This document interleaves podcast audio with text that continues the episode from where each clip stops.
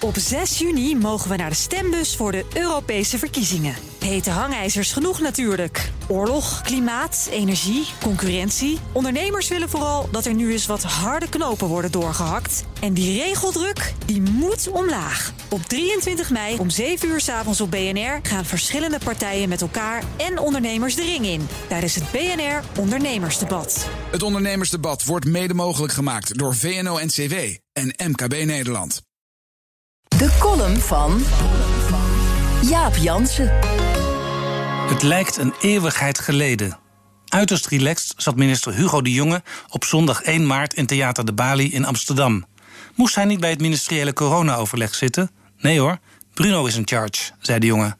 En dat was goed geregeld zo. Twee weken later zeeg Bruno Bruins ineen. Dat gebeurde tijdens een Kamerdebat waarin Jesse Klaver hem opriep alle mondkapjes die hij maar kon vinden te vorderen. De minister zegde toe. Even later werd hij afgevoerd. De oproep van Klaver was niet slim en de toezegging ook niet. Als je overweegt te vorderen, moet je daar niet in het openbaar over praten, want dan valt er niets meer te vorderen. Het mondkapje is symbool geworden voor het beleid.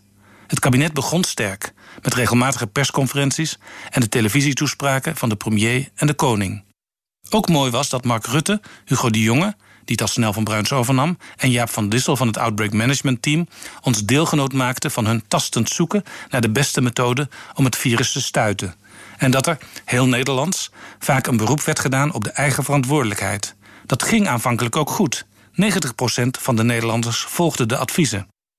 Uit de laatste peiling die het kabinet hierover heeft laten houden, blijkt dat vier op de tien mensen geen vertrouwen meer heeft in de aanpak. De regels worden soms als onlogisch ervaren.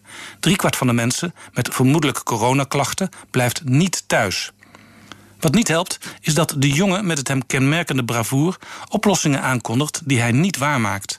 Er zouden snel goede mondkapjes komen, een app, werkend bron- en contactonderzoek, voldoende testcapaciteit, allemaal niet gerealiseerd. De jongens nieuwste belofte is dat we deze winter een vaccin hebben.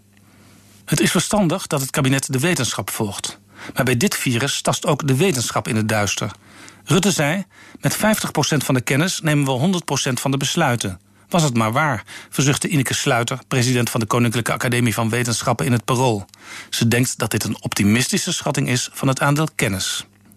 Mondkapjes. Jaap van Dissel vond ze niet nodig en het kabinet dus ook niet. Maar de Wereldgezondheidsorganisatie, eerst ook sceptisch, gaf al snel een ferm advies. Draag zo vaak mogelijk een mondkapje. Dr. Anthony Fauci zei het deze week via Nieuwsuur tegen collega van Dissel. Better safe than sorry. En Ernst Kuipers van het netwerk Acute Zorg stelt: mondkapjes helpen wel degelijk. Diederik Gommers van de Intensive Care Vereniging zegt in het boek Stilte op het Binnenhof dat hij de afgelopen maanden op zijn tong moest bijten. Dat gedraai over mondkapjes, toen ze niet kwamen, concludeerde het OMT maar dat ze niet helpen. Hij was er niet gelukkig mee.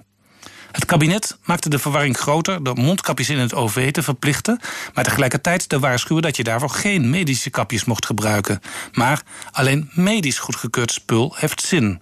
En de blauwe mondkapjes die de meeste reizigers dragen, zijn medische kapjes. Dat misverstand heeft het kabinet nooit helder gecorrigeerd. Niet gek dat mensen twijfelen. Afgelopen maandag versterkte Rutte de onduidelijkheid door in de persconferentie te zeggen dat mondkapjes maar beperkt effect hebben, om even later te stellen dat ze wel degelijk enig effect hebben. Op Radio 1 vroeg Sven Kokkelman aan John Jortsma, voorzitter van de veiligheidsregio Eindhoven, of hij dit zijn burgers nog kan uitleggen. Jortsma zei: Het wordt steeds moeilijker. Samen krijgen we corona onder controle, staat in grote letters achter Rutte en de Jonge bij elke persconferentie. Maar dan moeten we samen wel weten waar we samen aan toe zijn.